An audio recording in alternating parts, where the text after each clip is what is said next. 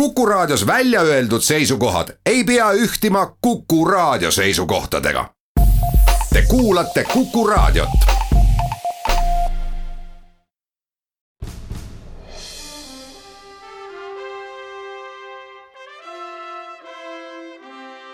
vahetund Postimehega tere, hea raadiokuulaja, taas on eetris Vahetund Postimehega. mina olen Postimehe peatoimetaja Mart Raudsaar ja esimeses pooltunnis on minuga kaks kolleegi Postimehest. on Postimehe peatoimetaja asetäitja Martti Aavik ja foto- ja videotoimetuse juht Eerik Prooses. räägime esimeses pooltunnis koroonaviirusest, koroonaviiruse kajastamisest. teises pooltunnis räägime natukene ka sellest, meile, meiega liitub siis Eerik Aru Postimehe arvamustoimetaja, aga ka majanduse doktor millist mõju on koroonaviirus avaldanud majandusele. aga, aga nüüd siis jah, räägime natukene koroonaviiruse kajastamisest ajakirjanduses ja Postimehes. kuid enne seda veel mõne sõna ehk räägime sellest, kuidas me oleme siin toimetuse sees reageerinud selle viiruse levikule et oleme siin ju otsustanud mõningaid asju, et me ei saada oma inimesi kriisikolletesse, ei ajakirjanikke ega fotograafe, kus viirus möllab, kajastama viiruse levikut või siis seda naljaga pooleks omal nahal kogema. me oleme otsustanud, et me ei tee mõningaid rahvakogunemisi toimetuse sees. me oleme otsustanud seda, et me ei kätle mõnda aega ja loomulikult ei köhi üksteise peale. peseme korralikult käsi ja me oleme otsustanud eh, ka eh, seda, et eh, kui keegi tuleb välismaalt, eeskätt siis nendest ohupiirkondadest, mida on Välisministeerium kirjeldanud väga põhjalikult oma kodulehel, on ta kaks nädalat vabatahtlikult kodukarantiinis ja no loomulikult me vaatame kõike seda ju jooksvalt üle, nii nagu olukord Eestis muutub, nagu olukord maailmas muutub. me ei pea minema lolliks selle hirmu või murega. Ehm, täna hommikul ma kuulsin eh, Vikerraadios eh, sarjas Maailm täna analüüsiti Saksamaa lehti, kust jäi kõlama selline mõte, et sakslastele meeldivad väga selged regulatsioonid ja võrreldi seal olukorda Eesti ajakirjandusega, et võib-olla me anname ehk liiga vähegi regulatsioone see ei ole nüüd küll tsitaat, aga see oli mõte, et meil on jäänud kõlama selline mõte, et paanikat ei tohi õhutada. kindlasti paanikat me ei õhuta ei ka täna ega tulevikus, aga ütleme nii, et kriisiks tasub olla valmis ja tuleb olla valmis. Martti, mida sa arvad? kuidas meie oleme nüüd Postimehes suutnud paika panna tasakaalu selle vahel, et ühelt poolt inimesi informeerida, mis on ju meie kohustus me näeme seda, et inimestel on huvi ja tahtmine teada saada, mis toimub koroonaviiruse vallas nii Eestis kui maailmas. kui teiselt poolt siis selle vahel, et mitte tekitada paanikat no mis asi on paanika, mina küsiksin esimesena, et paanika kohta, kui me ühiskondlikult räägime, peaksime, peaksid olema mingisugused mõõdikud ja seda me siit eh, Sossimäelt linna peale alla vaadates ju ei näe, et inimesed tänavatel märatseksid ja oleksid suurte plakatitega võitleme koroonaviiruse vastu meeleavaldused. no ütleme siis tohutu hirm tuleviku äh, ees, võib-olla selline, mis pärsib juba no, inimeste igapäevaelu. Äh, eks inimesed äh, oma eeldusteltki suhtuvad erinevalt nendesse stiimulitesse, mis, mida nad vastu võtavad või uudistesse, mis nad vastu võtavad, et mõni kindlasti kardab rohkem kui teised, aga ma arvan, et see paanika jutt on rohkem välja mõeldud, et mida inimestel on vaja ja mida ajakirjanikel ka on vaja, on ikkagi täpne Äh, võimalikult täpne teadmine käitumisjuhiste kohta ja võimalikult selge tõenduspõhine jutt sellest, mis on selle haiguse olemus, äh, kuidas viirused meid üldse ohustavad äh, ja ühesõnaga, mida, mis me teeme siis, see on ju mm -hmm. igas kriisis kõige tähtsam küsimus. no me oleme avaldanud ju ka viiteid Terviseameti kodulehele, kus on kindlasti väga põhjalikud instruktsioonid, kuid Postimehe kontekstis ma juhiksin tähelepanu Andi Hektori kolumnile mis oli väga hea kolumn, kus ta võiks öelda, trööstis meid, et ikka ajaloos võrdlusi tuues me näeme, et eh, teadus on aidanud meil jagu saada viirustest, töötades välja vaktsiine ja on ju põhjust arvata, et ka nüüd selle uue koroonaviiruse puhul vaktsiin tuleb suhteliselt, suhteliselt varsti. no loodame, siin on kindlasti need äh, ravimite turvalisuse reeglid ees ka sellel kiirusel, aga mina soovitan veel lisaks Andi Hektori niisugusele optimistlikule füüsiku jutule, et vaadake, kui palju teadusest on kasu, kindlasti lugeda ka ütleme, ühe Eesti esiviroloogi Andres Meritsa antud intervjuud, mis oli vist kas eelmisel nädalal äkki meie Eesti külgedel, Kadri Tammepuu teda intervjueeris ja see annab selle laiema pildi suurepäraselt kätte, vähemalt märksõnad, et inimkond on küll väga palju edasi jõudnud oma keskkonna, sealhulgas selliste silmale nähtamatute viiruste tundmaõppimisel, aga väga palju on veel teadmata. kui sa ühe palju... lausega võtaksid kokku selle loo tuuma, miks me peaksime seda lugu lugema? seal on väga häid soovitusi ka selles mõttes, et mida ühiskonnad, ütleme just globaalses mõttes ka Eesti peaks edasi tegema Äh, ta ütleb näiteks see, mis me näeme, sellist poliitilist reaktsiooni, et mõõdetakse inimeste kaugelt mõõtvad kraadiklaasid, tööstuslikud lennujaamades, et sellel pole suurt mõtet, aga mida saaks teha tuleviku jaoks praeguse puhanguga, on äh, testida rohkem ja õppida tundma paremini selle viiruse käitumist, sellest kogunevast andmestikust saavad teadlased siis omakorda järgmisteks puhanguteks midagi välja lugeda. Ja võib-olla praktilisi soovitusi lugege tõesti Terviseameti lehelt, aga et mõista seda, milliste probleemide ees inimkond seisab ja kui palju on veel tundmatut maad ja potentsiaalseid ohte, siis ma soovitan väga seda Andres Meritsa intervjuud lugeda. Ja hea on, et Eestis vähemalt mõned uurimisrühmad on, kes siis maailma tipptasemel tegelevad asjaga. No koroonaviiruse teema kajastamise tasakaalu, ajakirjandusliku tasakaalu küsimuse juurde me tuleme veel tagasi, aga praegu on aeg rääkida ka fotost ja videost ja, ja Eerik Prooses, kes meil on Postimehe foto- ja videotoimetuse juht, on siin ju meiega koos stuudios ja nüüd eh, eelmisel nädalal, päris eelmise nädala lõpus, pühapäeval, alustame sellest eh, juhtumist, tuli tagasi lennukitäis eestlasi Itaaliast ja see on väga hea, et meie kaasmaalased said kenasti koju, enne kui noh, Itaalia nii-öelda päris lukku läheb. ja meie fotograaf ja ajakirjanik oli seal kohal ja sellest tuli ka üks fotogalerii, mis tavapärases olukorras võiks olla ju igati mõistlik, mõtlen ja meenutan, kui meil tulid Süüriast kasvõi pantvangid tagasi Eh, kui oli seal galerii nende tulekust või mis tahes olukorras, kus meie kaasmaalased on noh, nii-öelda koju saadud, koju päästetud. aga eh, mulle hakkas tulema ootamatult eh, palju pöördumisi inimestelt, kes nagu nurisesid selle galerii üle, ütlesid, et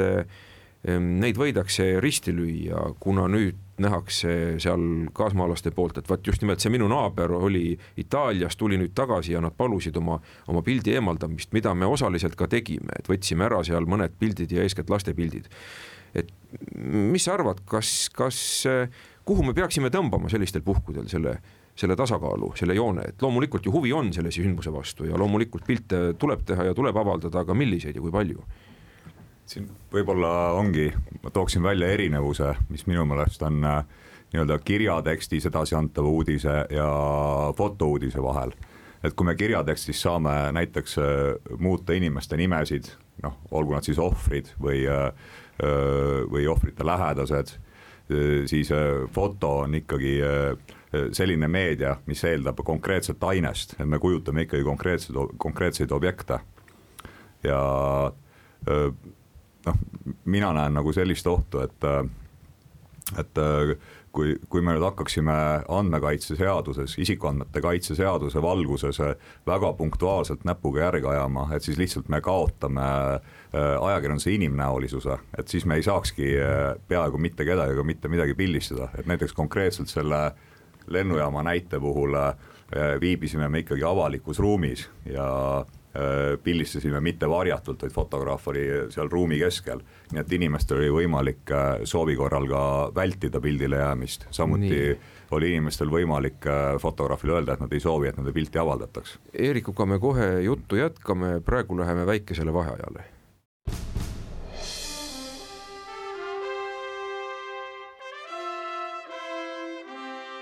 vahetund Postimehega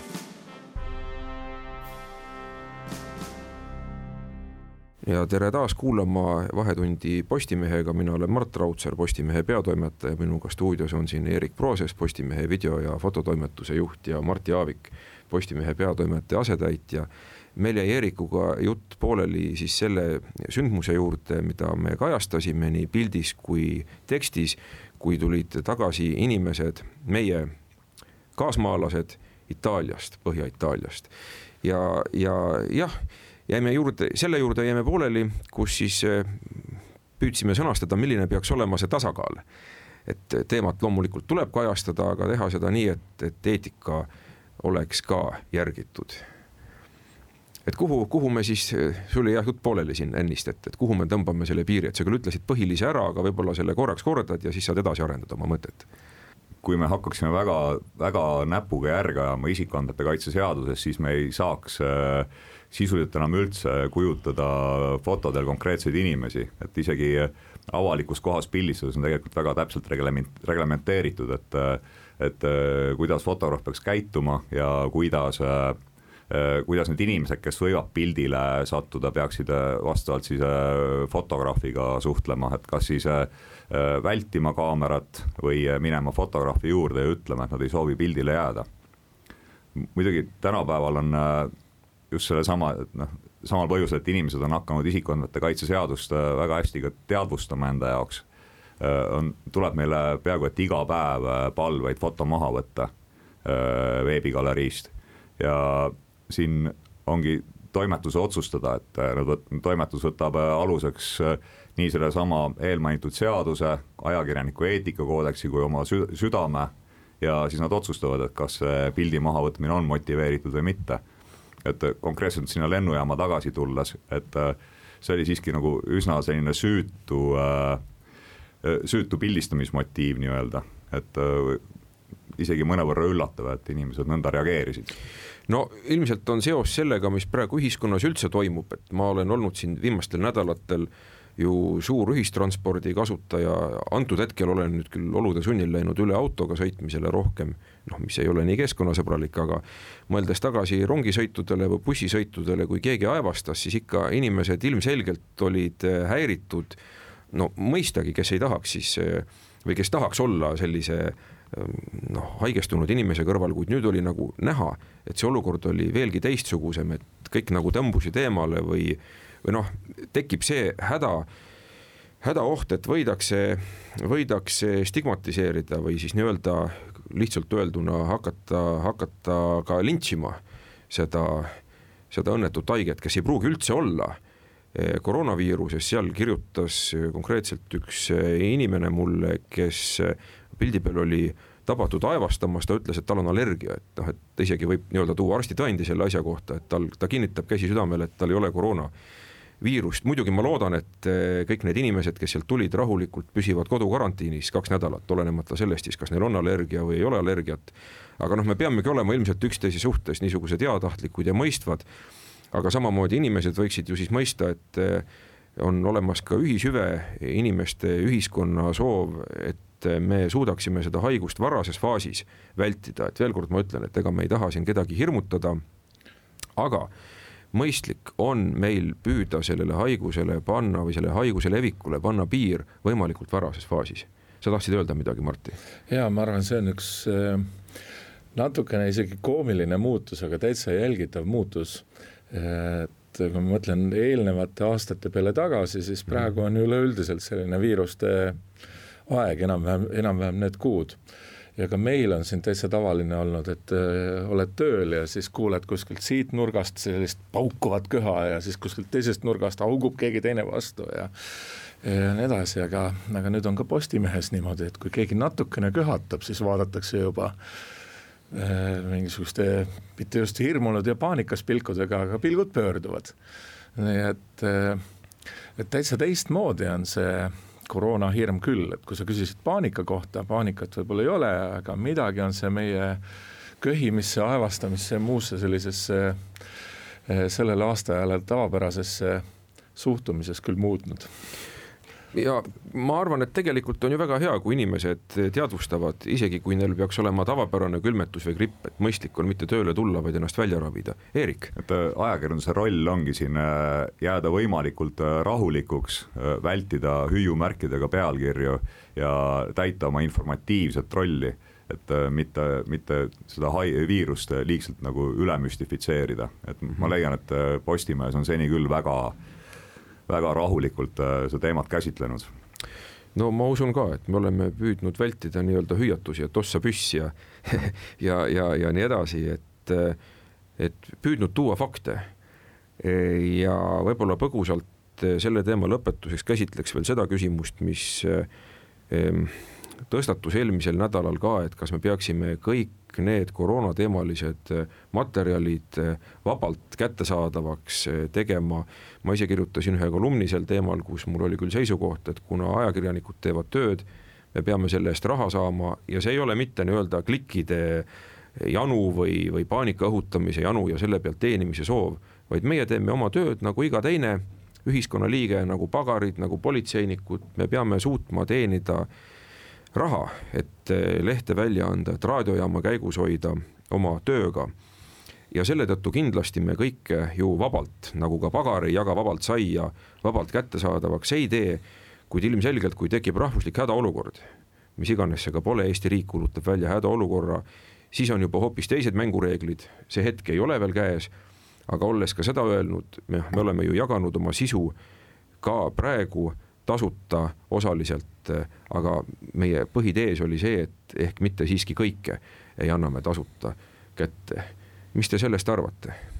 no ma arvan, et see arusaamine peab tulema tagasi, et ka informatsiooni jagajatel on vahel kõht tühi ja, ja selle jutuga, et, et ei saa paraku minna poodi, et et me teeme ühiskonnale nii väärtuslikku tööd, et meil on ikka kombeks poes raha vahetada, raha vastu vahetada kaupu.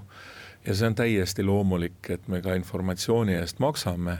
selleks äh, kriisiolukorra kommunikatsiooniks, kui kõik on juba väga halvasti, siis selleks on erimeetmed. ja lõpuks äh, analoogiana ma mõtlen, et äh, õhtul vaatan enamasti Aktuaalset Kaamerat, mis ka ei tule mulle tegelikult tasuta, vaid maksan kaabellevi operaatoritele vähemalt siis selle tehnilise ja levitamise poole kinni, nii et. ja maksumaksjana maksame me kõik ju riigieelarvest ka ja lõpuks põhiinformatsioon, et see koroonaviirus on olemas, et on oht, teatav oht ja et tuleb käsi pesta ja ennast haigetest mõõduka distantsi peale hoida, see on ju nii palju korratud, et, et sellest küll ei saa rääkida, et see poleks nagu tasuta käes või igal pool olemas noh, kui muud eh, head ei sünni kõigest sellest, kahtlemata ju viiruse levik ei ole positiivne sündmus, siis aga midagi positiivset näha kogu, kogu selles kontekstis, siis ehk ikkagi see, et lapsed hakkavad paremini käsi pesema, mida on ju aastaid räägitud. koolisööklates eh, noh, vetsust tulles pedagoogid on siin öelnud, õpetajad, et ei pesta piisavalt käsi ja ega siis meil siin toimetuses on ju nii seep saadaval kui desinfitseerimisvahend ega me ei pea ilmtingimata oma käenahka kuivatama hakkama selle desinfitseerimisvahendiga peale iga tualetis käimist, aga noh, ikkagi korralik kätepesu minu meelest kuulub selle asja juurde, enne sööki, peale vetsus käimist, see on nagu elementaarne. Te lihtsalt noogutate, te nõustute? jah ja., ja mitte ainult see kätepesu, on palju selliseid väikseid eh, ele-, pisikesi detailikesi meie keskkonnas, mida me muidu ei jälgi, no üks näide, mis tuleb pähe, on see, et kõrtsilettide peal on tihtipeale tasuta pähklite kausid, vähemalt väli, välismaadel mm. -hmm. no ei ole väga mõistlik tegelikult võtta sinna, kuhu on ju sealt neid pähkleid endale suhu pista, kus on juba enne kümned näpud käinud mm. -hmm. aga me ei pruugi mõelda nende asjade peale, sest nüüd natukene oleme tähelepanelikumad ja õpime midagi ka tuleviku jaoks. ja võib-olla nüüd äh, sel, selle uudise valguses, et äh, apteekides on antiseptikud otsa saanud et äh, tegelikult äh, väidetavalt piisab nagu viiruse kaitsmiseks ka sellest, et lihtsalt käsi kuuma vee ja korraliku seebiga pesta, et ei olegi see antiseptik nii oluline, et mm., et viirust ennetada. nojah, sellepärast, et kasutades antiseptikut, me ju tapame ka kasulikke baktereid, inimkehas on väga palju kasulikke baktereid nagu mulle tuleb meelde see kuulus Safeguardi seep, et mida, mida reklaamiti, et tapab kõik teadaolevad bakterid, ma kardan, et sellega saabub inimesele ka surm, kui ta tapab kõik teadaolevad bakterid, üheksakümmend üheksa protsenti bakteritest. aga selle tähelepanekuga läheme nüüd pikemale vaheajale, kuulame ära pooltunni uudised.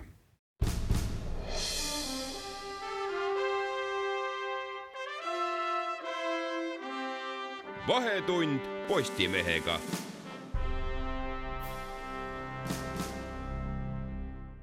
jätkame taas äh, Vahetundi Postimehega ja stuudios Postimehe peatoimetaja Mart Raudsaar, Postimehe peatoimetaja asetäitja Mart Jaavik ja Arvamustoimetuse liige Erik Aru, kes on meiega liitunud nüüd, kuna me eelmises pooles rääkisime koroonaviirusest ja selle levikust ja selle kajastamisest, aga nüüd oleme hakanud rääkima selle mõjudest majandusele ja sellest, mis räägib, mis toimub börsil. Ja kuna Erik on ju õppinud majandust ja ka töötanud majandusväljaannetes minevikus, siis tema on just õige mees, et meiega liituda sel teemal. Ja me Postimehes avaldasime eile juhtkirja pealkirjaga Börs tekitab peapööritust, mis siis kirjeldabki täpsemalt seda, kuidas börsi langusega ja ka kütuse hinna langusega on seotud koroonaviiruse tulek, no minu arusaam on see, et kuna inimesed reisivad vähem, tarbivad vähem, osa tööstust on kinni pandud, et siis lihtsalt ju ka kulubki vähem kütust, aga, aga ma saan aru, et nüüd on tekkinud ka väikene kütusesõda eh, Saudi Araabia ja Venemaa vahel, et kes siis suudab eh, millise hinnaga eh, toornaftat turul müüa. kas, kas see kütusesõda on ikkagi ka kuidagi seotud, Eerik, selle, selle viiruse teemaga, et on ta sellest tulenenud või on need hoopis täiesti kaks eri asja? kõigepealt tere ka minu poolt, tähendab, see tegelikult otseselt tuleneb jah, sellest koroonaviirusest, kuna nõudlus kütuse järele vähenes ja siis kütust eksportijate riikide organisatsioon OPEC siis selle peale leidis, et kui nõudlus väheneb, siis hinna hoidmiseks tuleks tootmist samuti vähendada. selle, kuna OPEC-isse kuulub, kuuluvad käputäis tegelikult nendest suurtest kütuse eksportijatest, et kolmest suurest ainult üks Saudi Araabia, et USA ja Venemaa ei kuulu, siis loomulikult peaks, peaks OPEX ka kokkuleppele jõudma nende teiste kolmega mingil moel. ja Venemaa teatas, et neid esimese hooga, et neid lihtsalt ei huvita, et nemad mm -hmm. pumpavad nii palju, kui nad tahavad. mille peale siis Saudi Araabia leidis, et noh, seda mängu võime ju meiegi mängida, et meie poolt välja pumbatav nafta on kõvasti odavam seda kätte saada kui venelastel, et me siis hakkame hoopis rohkem pumpama, nii et, et siis te alles näete.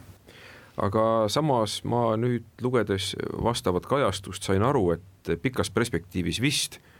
Venemaa peab sellist äh, nii-öelda dumpingut äh, kauem vastu kui Saudi Araabia, et nad suudavad kauem pakkuda turule soodsa hinnaga naftat mis neile on kahjulik loomulikult, majandusele on see kahjulik, kuna Venemaa majandus sõltub väga suuresti naftast, aga Saudi Araabia majandus pidi sõltuma veelgi rohkem. no seal on see asi, et seal on riigieelarve tasakaalus on küsimus, et venelastel on jah, muidugi see rõõm, et neil on maailma suuruselt kolmandad, minu mälu järgi vist valuutavarud, mis tähendab, seda oli üle, üle vist poole miljard äh,, triljoni dollari, mida on ikka täitsa korralikult ja see tähendab seda, et tegelikult nad võivad oma riigieelarvet päris tükk aega miinuses hoida, kui tahavad. aga Saudi Araabia, kui ma vaatasin, kui suur on nende riigivõlg, on kuskil kakskümmend protsenti SKT-st. miks nad ei võiks võlakirju välja anda, et tegelikult nende, kuigi, kuigi nendel on muidugi see asi, et selleks, et nende riigieelarve oleks tasakaalus, on neil vaja umbes kaheksakümne dollarist nafta hinda, venelastel ainult umbes neljakümne, neljakümne kahe dollarist mm. -hmm. et, et selles mõttes on neil Saudidel selle koha pealt on tõesti raskem, aga samas nad võivad täiesti vabalt anda riigi võlakirju välja veel täitsa korralikus koguses, et. aga üks teema, Martti, millest me oleme ju kirjutanud Postimehes ja mida alati arutatakse, kui on selline hinnamuutus, kui hind kallineb väga kiiresti, meie tanklaketid tõstavad hinda. aga kui hind langeb, jah, praegu on ka tanklakettides lõpuks hind langenud, aga me näeme, et see ei juhtu nii kiiresti ja me kuuleme juttu sellest, et on suured laovarud mis on ostetud kallimalt, kuigi ma tavaliselt ei kuule juttu selle kohta, et oleksid laovarud, kui hind mis on, on ostetud odavamalt. just nimelt. no jaa, aga iga äriinimene ju võtab seda, mida ta saab, mitte, mitte seda, mis tundub kuidagi kellelegi kolmanda-neljanda inimese peas õiglane, et kuni on ostjaid, kes selle hinnaga ostavad ja konkurent hinda ei langeta, siis nad seda võtavadki. ja noh, muidugi laias plaanis on eh, see ka õige, et eh, ega siis eh, toornafta hind, hinnamuutus ei mõjuta kohe ja vahetult juba nagu mootorikütuseks tehtud produkti hinda, et seal on ikkagi reaalne viitaeg ja, ja osalt ka turu viitaeg mm.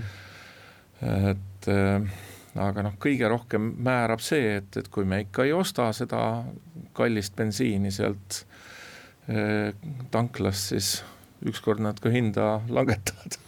No me ju kõik teame sellist kuldset tarkust, et aktsiaid tuleb osta siis, kui nende hind on võimalikult madalal, eeldades muidugi, et see firma lõplikult pankrotti ei lähe. aga kuidas ära tunda see õige hetk, ehk me võime siin nüüd arutleda kahel teemal, et üks on see, et kas hetkel on nagu õige aeg soetada endale paar kanistrit koju kütust, kuigi noh, loomulikult, kes igapäevaselt autoga sõidab,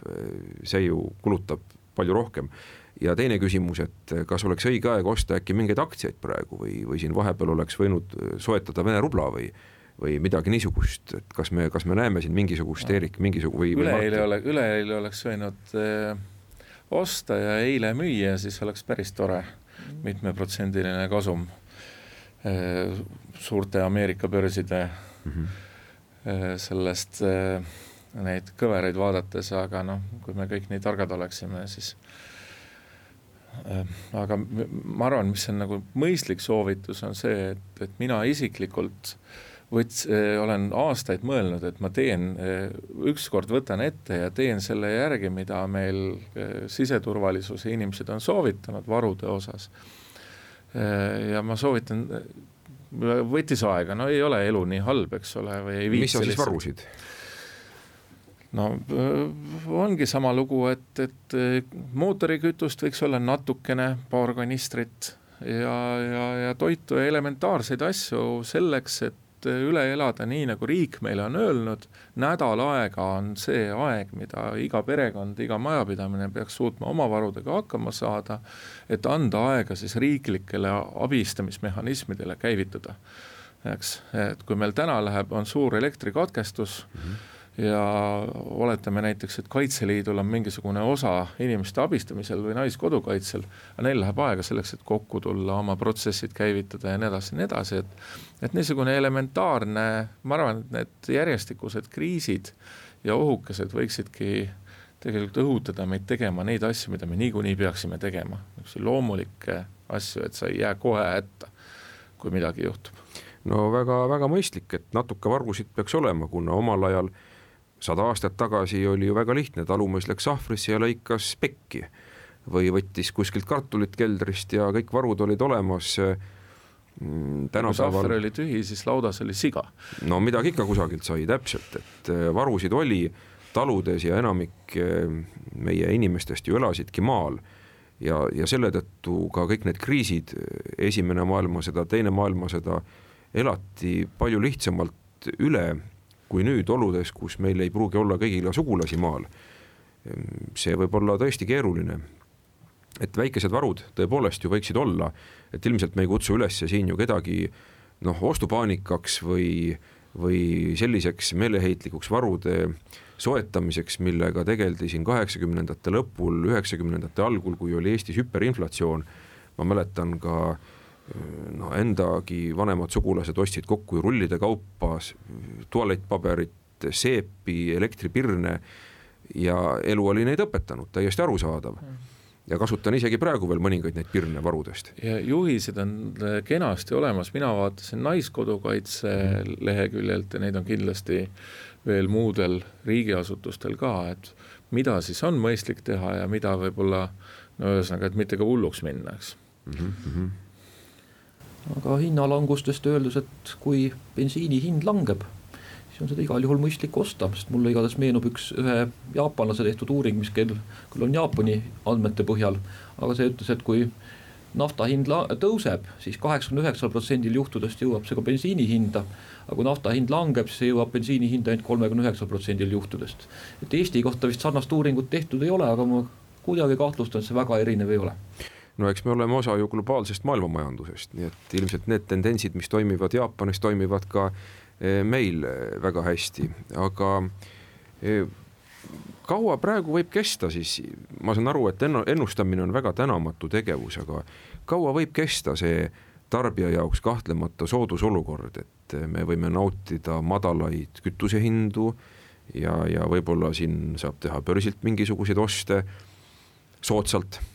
No selle kohta, kui ma nüüd neid asju teaks, siis ma oleks, oleks tõenäoliselt praeguseks hetkeks juba nii rikas juba eelmiste kriiside ajal, et, et, et,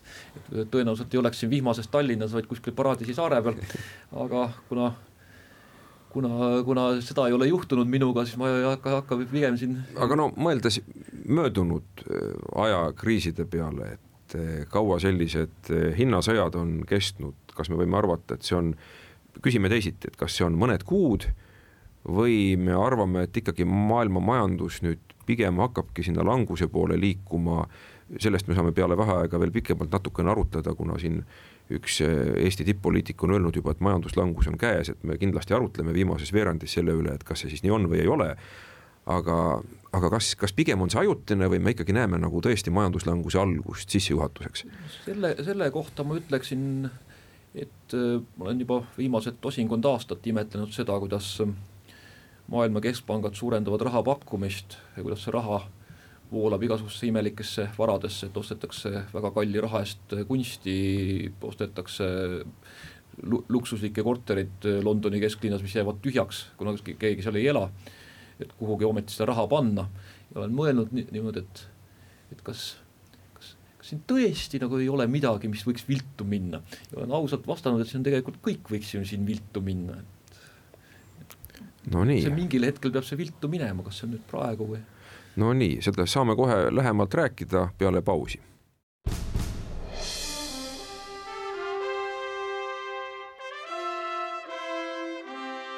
vahetund Postimehega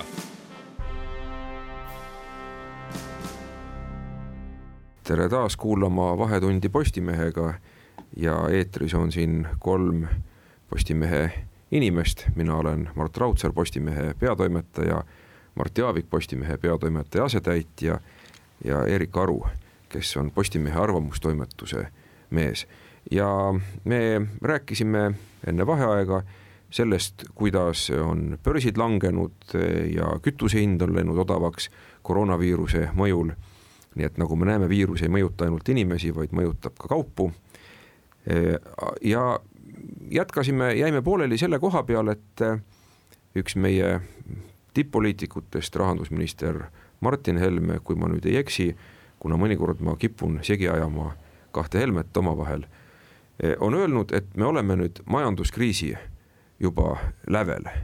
me olemegi nagu majanduskriisi jõudnud, majanduskriis on käes. kas siis see asi ongi nüüd nii, et majanduskriis on käes või pigem me peaksime arvama ja julgustama inimesi, et see võib ühel hetkel juhtuda, kui me kõik loobume kaupade ostmisest. arusaadavalt siis ju majandus ei toimi, kui inimesed ongi ainult kodudes, mitte midagi ei osta, tööl ei käi. või ei ole see asi siiski veel nii hull? see on ka jälle üks selline hea küsimus. kui vaada, vaatame aasta alguse Eesti tööstustoodangu langust, siis see näeb päris hirmuäratav välja. mis langes ja kui palju? Umbes? no seal oli ikka langus oli üle kümne protsendi ja päris laiaulatuslik. et erinevad sektorid? jah, et see ei olnud, see ei olnud mingi selline asi, et, et noh, siin muidugi mõni inimene võib-olla ütleb, et, et mis meil sellest tööstusest, et pakume aga oma teenuseid ja startup'e ja nii edasi, aga see päris niimoodi ka ei käi mm. -hmm no tarvis on ikkagi midagi toota, tarvis on eksportida, me oleme ju rääkinud palju sellest, et Eesti on olnud ülimalt edukas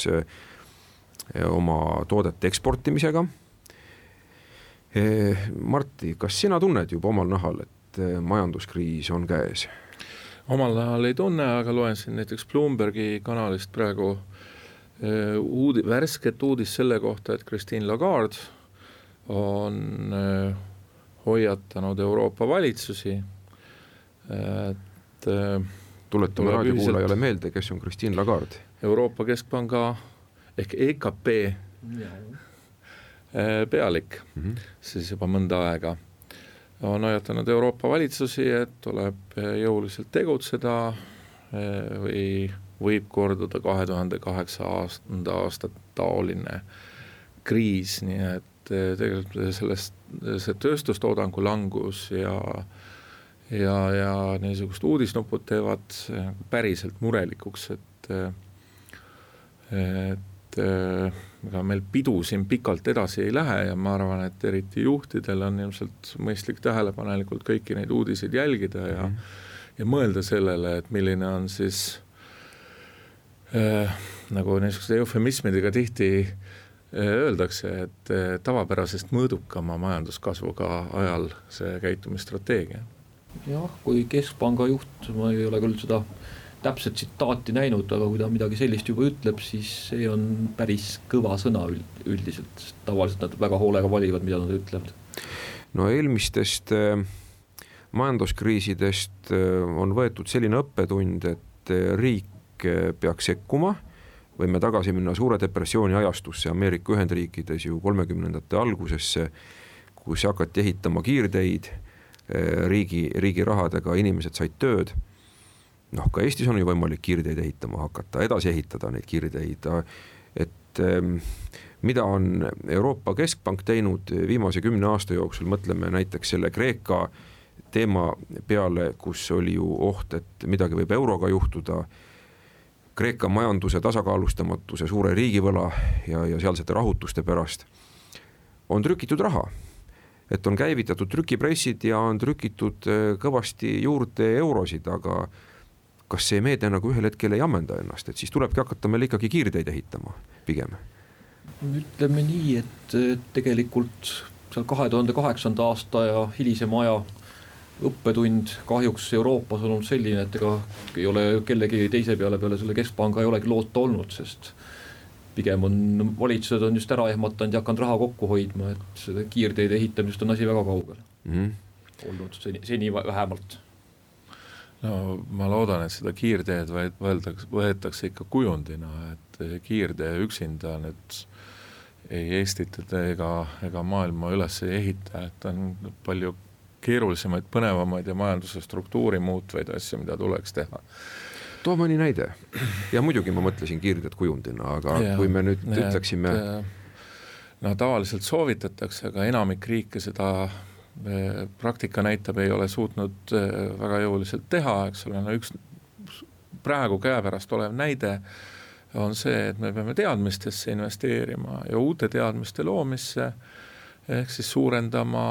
nii alusteaduste kui ka, kui ka siis selle teadmussiirde investeeringuid. Aga tihtipeale juhtub nii, et headel aegadel seda ei viitsita teha, ostetakse kallimalt kunsti lihtsalt ja suuri jahte ja, ja halbadel aegadel ka ei tehta, aga käepärane näide on see, et eh, mida Andres Merits ütles, kes siis on, on? Eh, viroloogia professor mm, -hmm. et on meil siin kümned tuhanded viirused, mis meid olemas, mis võivad potentsiaalselt inimesele üle hüpata ja neid tuleks tundma õppida näiteks. või siis mingisugused muud praktilisemad näited, eks ole, energeetikast, kogu meie, meie, meie IT ümbrusest ja nii edasi nii edasi, aga aga ma arvan, et, et kõige olulisem sõnum on ikkagi see, et et tundub, et praegu on, on niisugune tõsine hetk ja, ja see bensiini ostmine kanistrisse aitab sind paari järgnevat sõitu, aga oletame, et, et meil lähevad siin asjad jälle raskeks, eks ole, siis me peaks selleks kuidagi valmis olema ja läbi mõtlema tegelikult need äh, strateegiat, ka eelmise kriisi õppetund või üleelamise viis oli ju tegelikult mis sa mõtled majanduskriisi, jah? et kui, mhm. kui va varasematel aegadel riigid eraldi devalveerisid oma valuutasid ja see oli siis see äh, nagu puhver või kuidas majandusteadlased ütlevad, siis euroalas toimus sisemine devalveerimine. Eesti sai kõvasti pihta, eks ole, aga ütleme, et tinglikult võib siis seda palkade vähendamist ja kokkuhoiu muud meetmeid nimetada sisemiseks devalveerimiseks. ja tolle hetkel või nagu edukalt ja kiiresti kriisist välja tulnud riigid tegid just täpselt sedasama. nii et eh, mõlemad koos, arukad investeeringud ja ja, ja, ja kokkutõmbamine, et sa nende investeeringute käigus ennast lolliks ei laenaks, see on see õppetund minu meelest. Ehk siis me peaksime panema ikkagi teadus-arendustegevusse raha, see oleks nagu meie julgeoleku no, garant jah, sinna kindlasti, eks ole, aga et kuidas me selle teaduse ja te teadmisega oma ettevõtluses kasutusele võtame oma igapäevaprotsessides. ja energeetika kindlasti on see koht, millega tuleb edasi tegeleda, muuhulgas arvatavasti ikkagi ka see õli rafineerimise tehas, vaatamata sellele hinnakõikumisele ja nii edasi, aga noh, see on minu isiklik arvamust niisuguse pliiatsijoonena. põlevkivienergeetika on selline asi, mis on ju peaaegu sada aastat vana nüüdseks Eestis ja see on mitu korda juba välja suremas olnud ja ta on ikka endiselt olemas, et selle ma ei, tingimata ei näe, et see nüüd kohe varsti kadumas oleks. Mhm. aga meie õlitööstus? Õlitööstus, õlitööstusest see kõik algas, et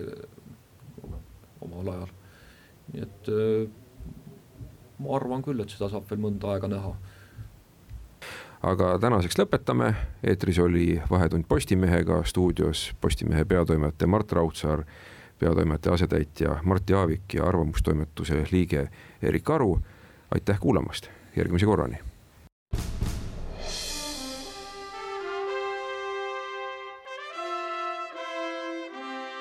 Vahetund Postimehega